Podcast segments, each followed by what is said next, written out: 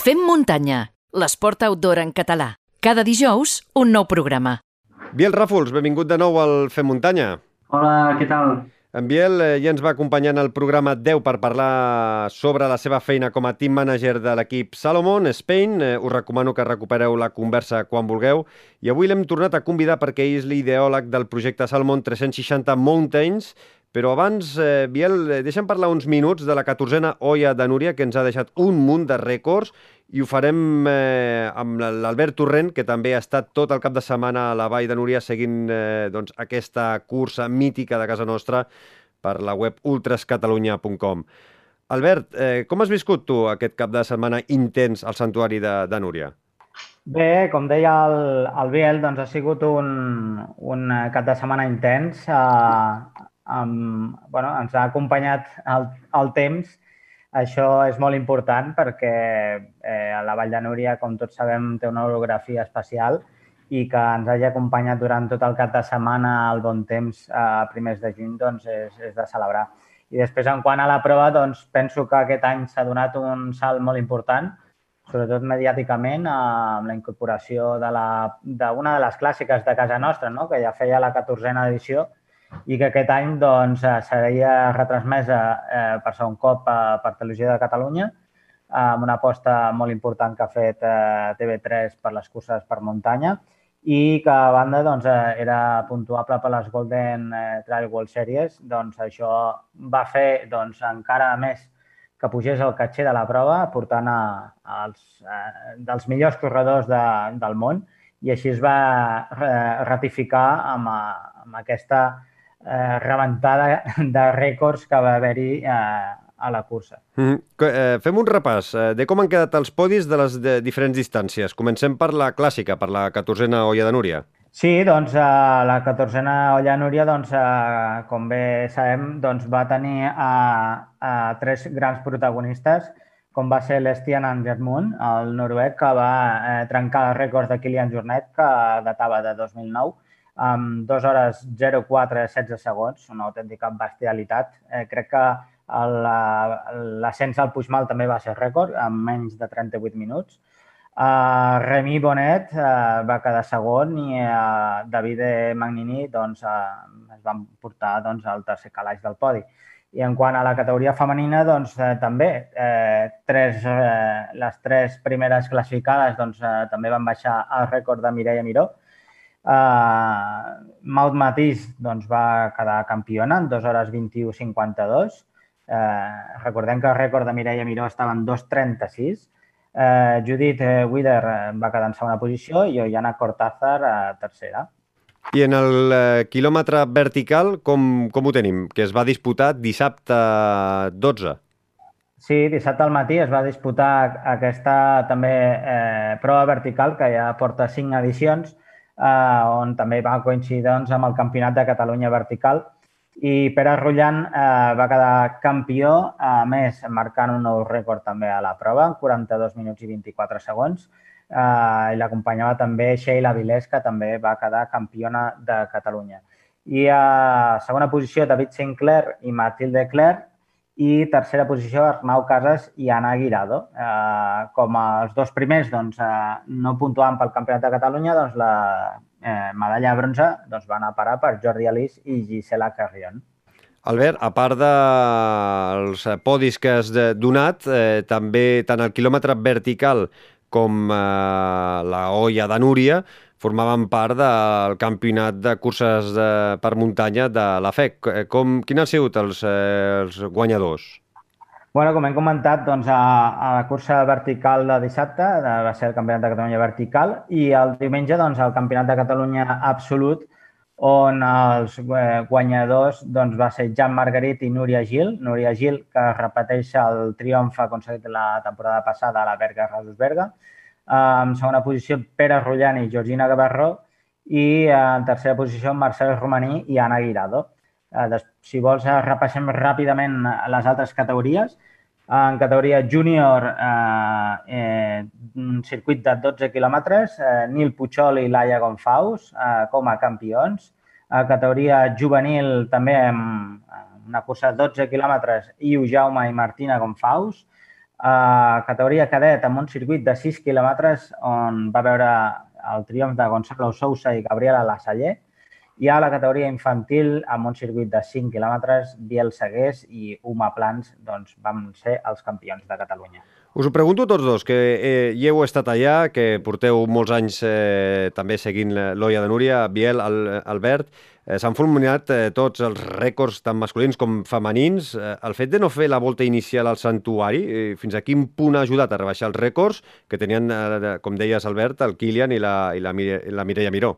Doncs uh, no, jo penso que amb el nivell de, de corredors que hi havia, penso que aquesta volteta eh, era in, insignificant perquè estem parlant de que, de que Stian doncs, va baixar 10 minuts al, al rècord de Kilian Jornet. Jo penso que, a part de, com he comentat abans, doncs les eh, condicions meteorològiques van ajudar, eh, va fer un dia perfecte per eh, fer aquest tipus de prova. Eh, si estem parlant de, de carrenejar a 2.800-2.900 metres i, i això va ajudar doncs, que es, també es corregués molt ràpid però és que el nivell de corredors que hi havia era excepcional i penso que uh, això, uh, aquesta volteta principal eh, primer que hi havia en l'any del Kilian doncs tampoc no, no, no, és, no és gaire significant.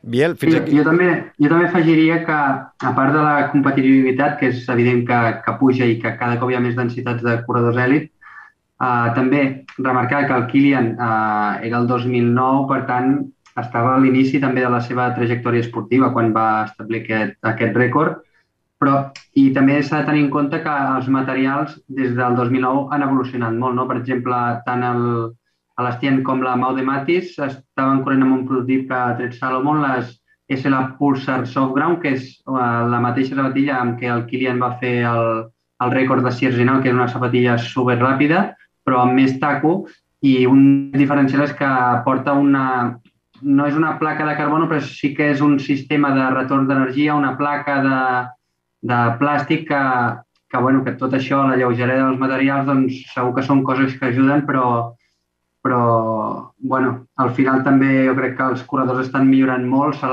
se la van preparar molt a consciència, ser de l'Estian que va estar entrenant tres setmanes en, en alçada i, i això també són factors que ajuden. Eh, evidentment, eh, suposo, Biel, que si no hagués sigut el tret de sortida de les Golden Trail Series, eh, no haguéssim tingut aquest cartell, no? No, nosaltres des d'aquest 2021 érem patrocinadors, bueno, som patrocinadors de, de l'Olla de Núria, però una mica el fet detonant va ser que Cegama va ser cancel·lada i nosaltres doncs, vam fer pressió des de Salomon Espanya perquè, eh, entre cometes, es pogués substituir Cegama per, per aquesta cursa. Jo crec que els corredors venien pensant-se que, que venien en una, en una cursa de poble i bueno, s'han trobat un entorn increïble, un, uns camins supermacos i, i tothom ha quedat bastant flipat. Biel, eh, de quines tasques estàs encarregat en aquesta catorzena olla de Núria? Perquè, mm, clar, eh, o sigui, formes part de, del patrocinador Salomon. Ets el team manager dels corredors Salomon nacionals i em sembla que també en aquest cas internacionals, una mica els coordinadors. Eh, com, com, i, I a part, per TV3 et van veure córrer amb la càmera en mà. Eh, alguna cosa sí, més? Doncs, la, no, la veritat que aquí poder arribat una mica al meu límit. No? Sí que jo era l'enllaç tant amb els organitzadors, eh, que és una organització que ha treballat molt bé, són els voluntaris de la Unió Excursionista Vic, que van fer una molt bona feina.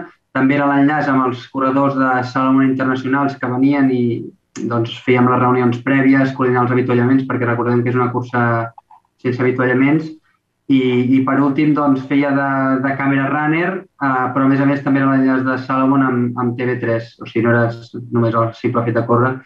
I haig de dir que, que realment el, el dissabte va ser un dels dies més intensos de la meva vida. Perquè també et van veure a la roda de premsa de dissabte.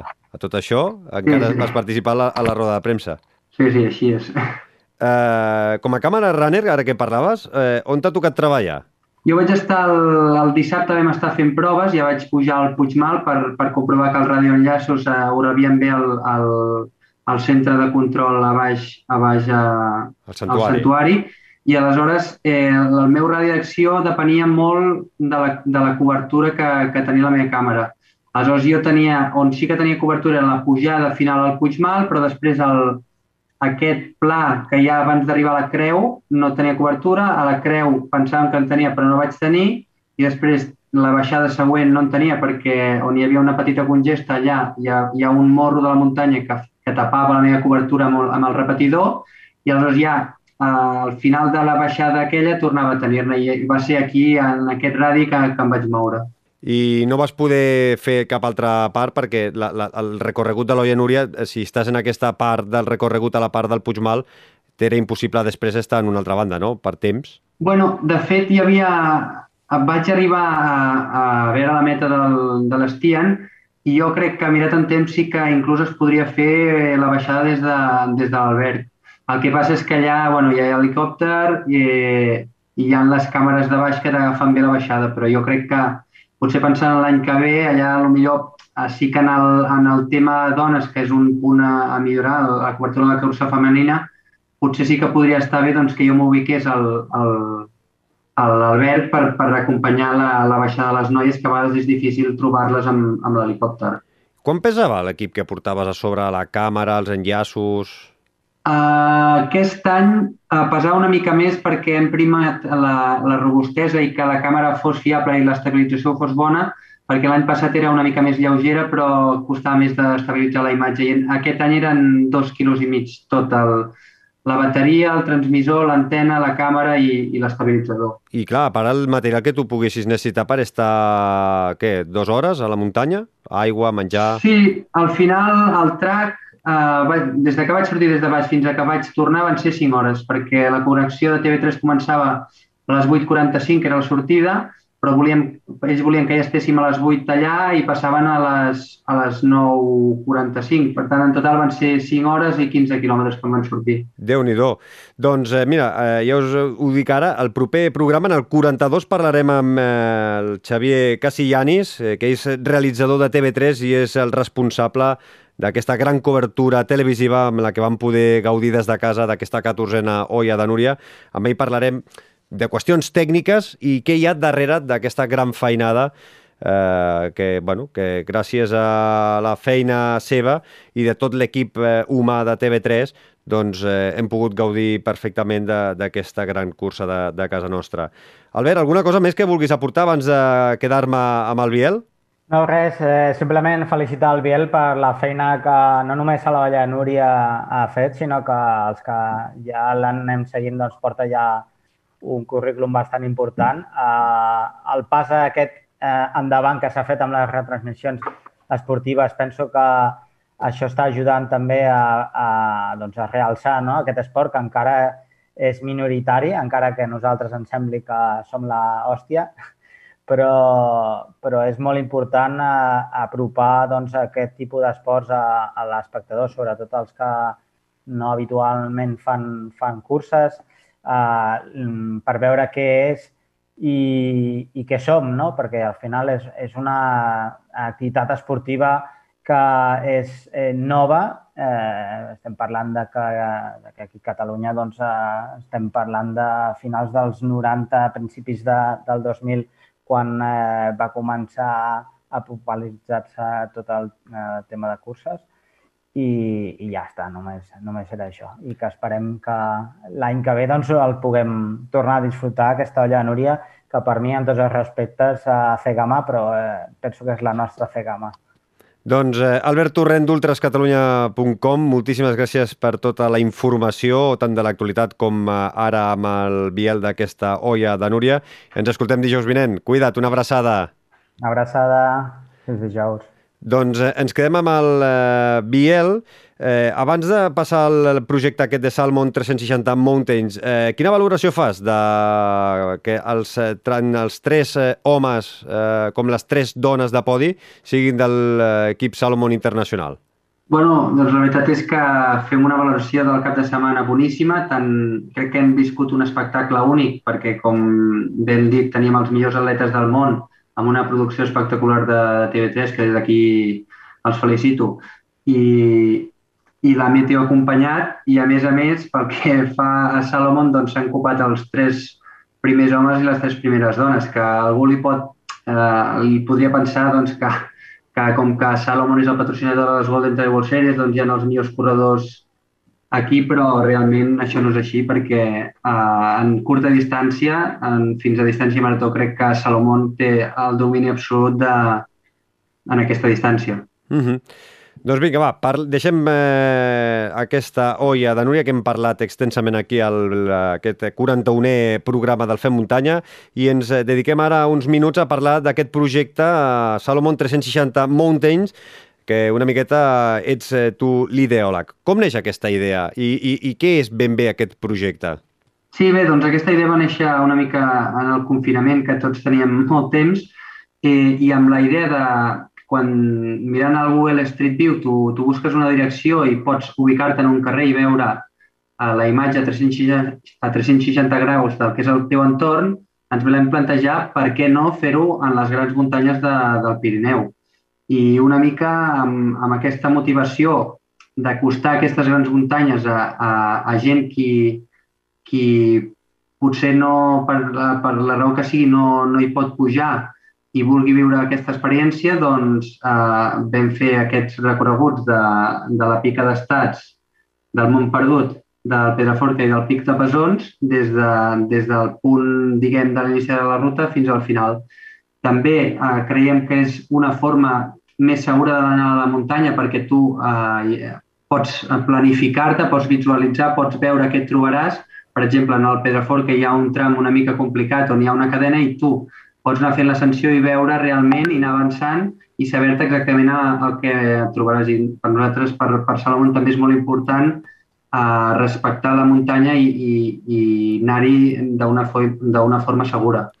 I l'únic que hem de fer que és entrar a Google Maps, eh, apropar-nos a, a qualsevol d'aquests quatre cims eh, que has dit, el Pedraforca, el Pic de Passó, el Pica d'Estats i el Mont Perdut, i, i llavors ja directament ja ens apareixerà sobre del Ninot eh, la ruta que tu vas fer, no?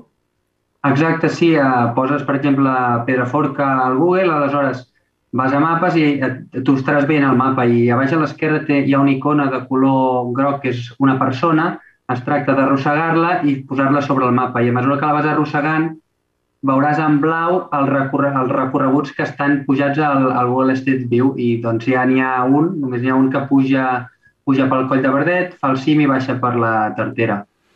Quin material has fet servir per fer... Que, que ho has gravat? En vídeo? En fotografies? Eh, com, com, com ho has fet servir, això? Doncs amb el, amb el Dani Ramírez de Creative Symbols vam fer un treball molt autodidacta d'investigació i, i vam veure que, que com s'havia de fer, no? I en aquest cas doncs, eh, vam aconseguir una càmera Insta360 Pro d'aquesta marca que filma amb, amb 8K eh, en alta definició i aleshores la, vam buscar la configuració ideal que vam veure que no era vídeo sinó que fes una foto cada, cada 5 segons i aquesta era la millor forma de, de pujar les imatges al, al, al servidor de Google i vam estar 15 dies per, per pujar al final totes les imatges.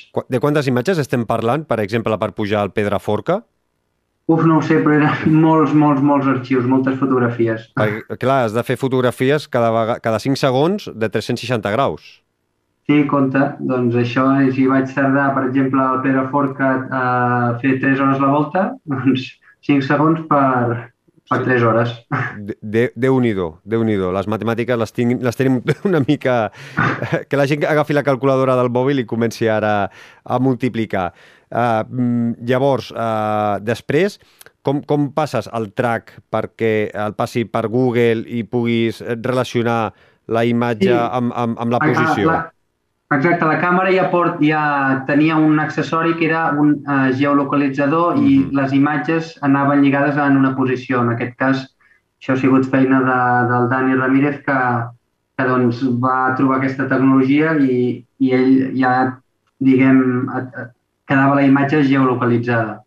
I, i, i amb una ascensió, amb una volta, n'has tingut prou o has hagut de repetir alguna part? No, Sí, la veritat és que, bueno, entre els testos i uh, la bateria que, que durava 3 hores, les targetes SD que s'omplien, uh, doncs sí que m'ha tocat fer, fer dues voltes per acabar de, de completar i, que, i tenir-ho tenir-ho tot llest i, i ara m'agradaria fer també la Neto, que és una muntanya que em va quedar pendent l'any passat i és la, la més alta del Pirineu i també m'agradaria fer-la. I a part de la Neto, hi ha algun altre cim que com a projecte Salomon 360 Mountains eh, vulgueu fer? A part de la Neto, dius, doncs mira, ara a part del Pedraforca, doncs eh, fer altres cims, el Montseny...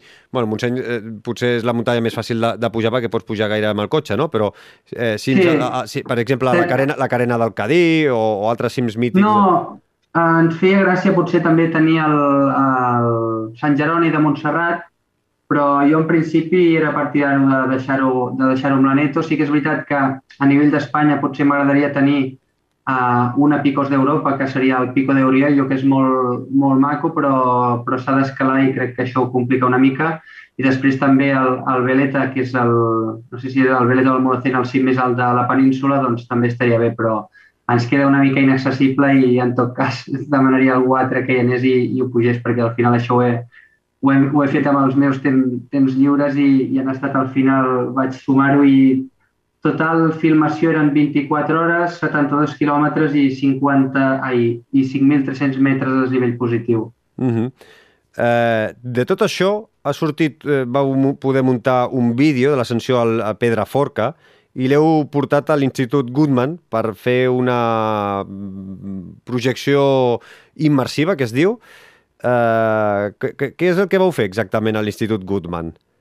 Sí, exacte. Uh, una mica amb Salomon vam estar pensant com podíem això, donar un pas més i acostar-ho a, a qui més potser pot necessitar-ho, no? I, I va sortir aquesta oportunitat de, de fer-ho amb l'Institut Goodman, i això va ser una projecció a, a 180 graus amb una càmera Brooms, que és una tecnologia que projecta 180 graus, i en una sala de, de l'Institut Guttmann doncs, vam, vam, teníem pacients que amb, amb mobilitat que potser amb mobilitat reduïda que potser n'hi ha alguns d'ells que no tornaran a caminar mai o que s'estan rehabilitant d'algun accident.